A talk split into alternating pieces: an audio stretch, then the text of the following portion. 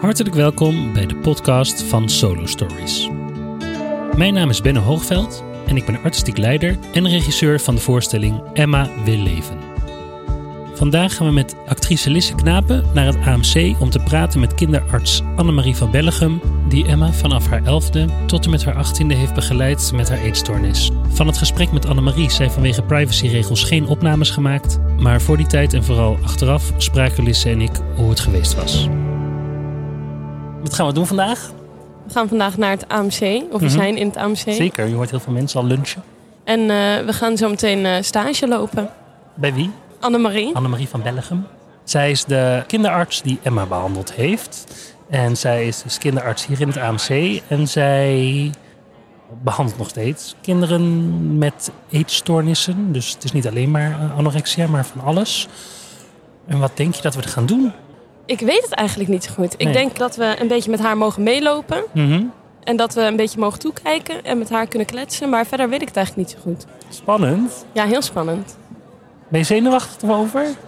Nee, eigenlijk helemaal niet. Oké. Ik ben heel nieuwsgierig. Ja, ik ook. Dus dat is het denk ik gewoon. Ja.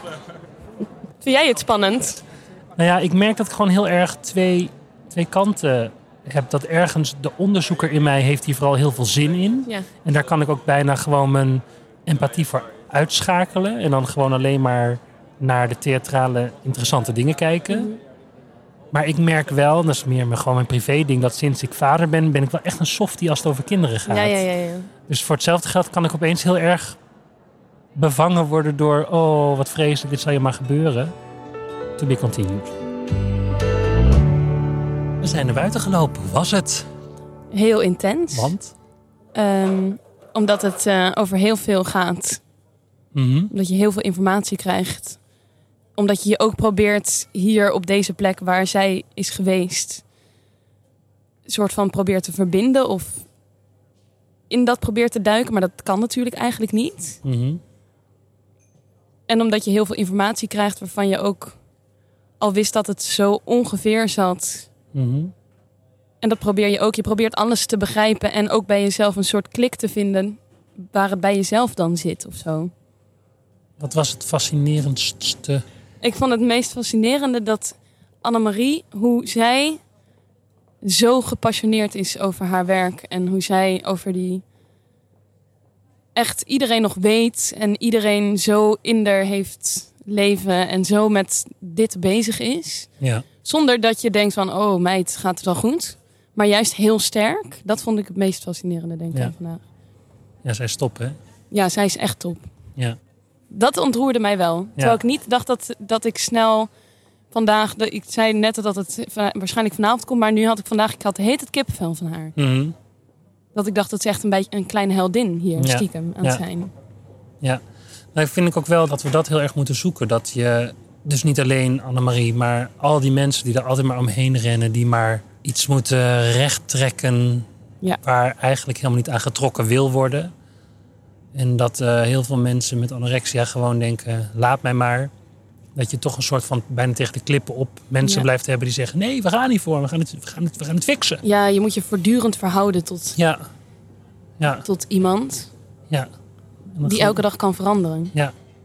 Wat is het, het bijzonderste wat je vandaag hebt gehoord over Emma? Ik denk, eh, ik heb natuurlijk de documentaire alleen gezien over haar. Mhm. voor nu. En, en in die documentaire heb ik haar gezien. Terwijl ik vandaag ook wel hoorde dat ze daar juist heel erg al veranderd was. Ja. Dus nu weet ik eigenlijk niet precies wie zij is. Ja. Of wie zij was.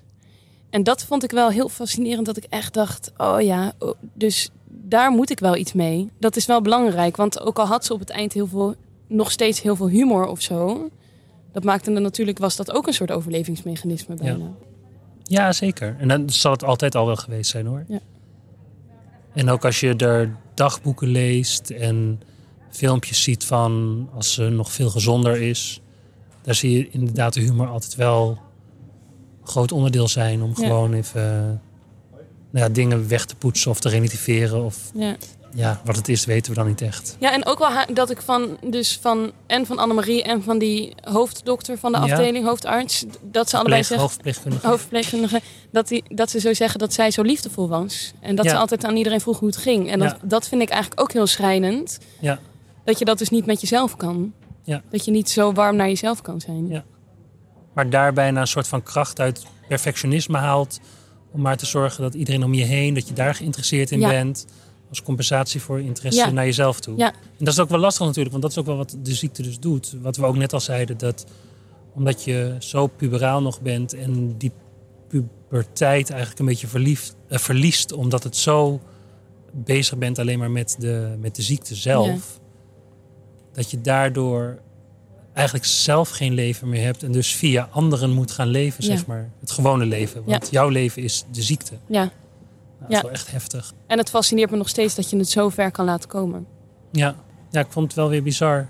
Het grappige is, het tekeningetje had ik, ze heeft een tekeningetje gemaakt en eh, eh, die had ze vorig jaar ook al gemaakt. En dan, het was me nog wel een soort van bijgebleven, maar op een of andere manier, omdat ik door alle research die er nu al is geweest, Emma zoveel beter ken, tussen aanhalingstekens, vallen dat soort dingen ook gewoon veel meer op zijn plek. En Ja. dat je inderdaad, aan de ene kant wordt het dus veel persoonlijker en tegelijkertijd zie je ook, ja, maar het gaat eigenlijk over zoveel mensen. Ja. Zoveel mensen hebben Ja. dit.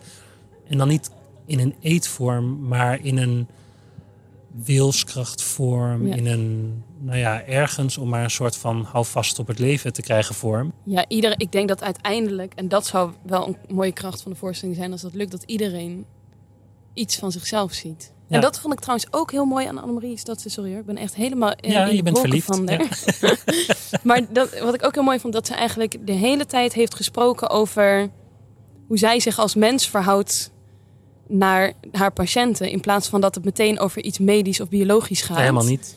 Het lijkt wel alsof ze, alsof ze helemaal geen arts is. Nee, dat Nee. vond ik ook. En Ja, toen ze heel uiteindelijk ook nog met termen kwam en zo helemaal op het eind, dacht ik ineens: oh ja, jij was Ja. ook nog arts of zo. Ja. Of jij, jij weet hier natuurlijk, het gaat veel verder nog dan dit weer. Maar dat vond ik bij de hoofdverpleegkundige ook al. Dat, want eigenlijk wat je constant voelt is, nou ja, weet je, deze mensen hebben het al zo zwaar. Laten we ze gewoon een beetje liefde geven. Dat medische, dat wordt bijna een soort van tussen neus en lippen door een beetje een kant op geduwd of niet. Maar ze zijn al zo eenzaam, laten we ze liefde geven.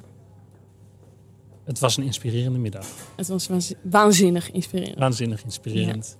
Nou, dan hoeven we alleen nog maar even een stukje te maken. Ja. Slik. Vind je het spannend om eraan te beginnen? Ja, dat weet ik niet zo goed. Omdat ergens heb ik wel een soort van vorm in mijn hoofd wat ik wil vertellen en hoe we het moeten vertellen. Ehm, ik denk al best wel goed te weten dat ik, hoe jij functioneert. Mhm. Eh, dus dat zijn wel een soort van mijn houvasten. Ja. Wat ik, wat ik lastig aan dit project vind, is dat het, het eindigt gewoon niet goed. Wat Ja. we ook doen, het eindigt niet. Oh, er gaan wat luiken dicht. Eh, maar het eindigt gewoon niet goed. En je wilt toch dat mensen met een positief gevoel naar buiten gaan. Ja. Eh, en dat mag best wel een verdrietig positief gevoel zijn, maar er moet, er moet iets uit te halen zijn. Anders, anders ga je, waarom ga je anders naar deze voorstelling? Ja. Er moet wel licht aan het eind van de tunnel zijn. Ja, ondanks alles. Ja. En, eh, da- eh, en dat, dat is ook wat we dus moeten, precies dat moeten we vertellen. Dat voor Emma is dit niet gelukt, maar we hebben met z'n allen nog wel een kans. Ja. Maar dat vind ik wel spannend, hoe we dat, eh, hoe we dat goed gaan krijgen. Ja. En ik weet precies hoe ik het wil. Dus wat dat betreft moet ik niet piepen, want ik weet al wat ik wil. Ja. Ik moet alleen wel het effect hebben wat ik wil. Ja. Vind jij het spannend? Ja, maar eh, de, dat ik het zo mega vet vind om te doen, is veel groter dan mijn zenuwtje. Zeker, ja. En ik denk dat mijn zenuwtje, Zenuwtje. ook een beetje een, een ijdel zenuwtje ergens Ja, ja, is. Dat ik niet wil dat ik... Ik ben ook soms bang, heb ik een rare angst dat ik bang ben dat nu iedereen erachter komt dat ik niet kan acteren. Ah. Bijvoorbeeld, omdat het de eerste keer dat ik, eerst dat ik zo lang in mijn eentje daar sta. Ja. Maar dat is echt, dat staat eigenlijk los van, ik ben niet bang voor het thema. Nee. Bedankt voor het luisteren. We hopen dat je het interessant vond. En als dat zo is, geef dan even een like of een duimpje of, of schrijf een reactie. Dan hoor je gauw weer van ons. Tot de volgende keer. Ciao!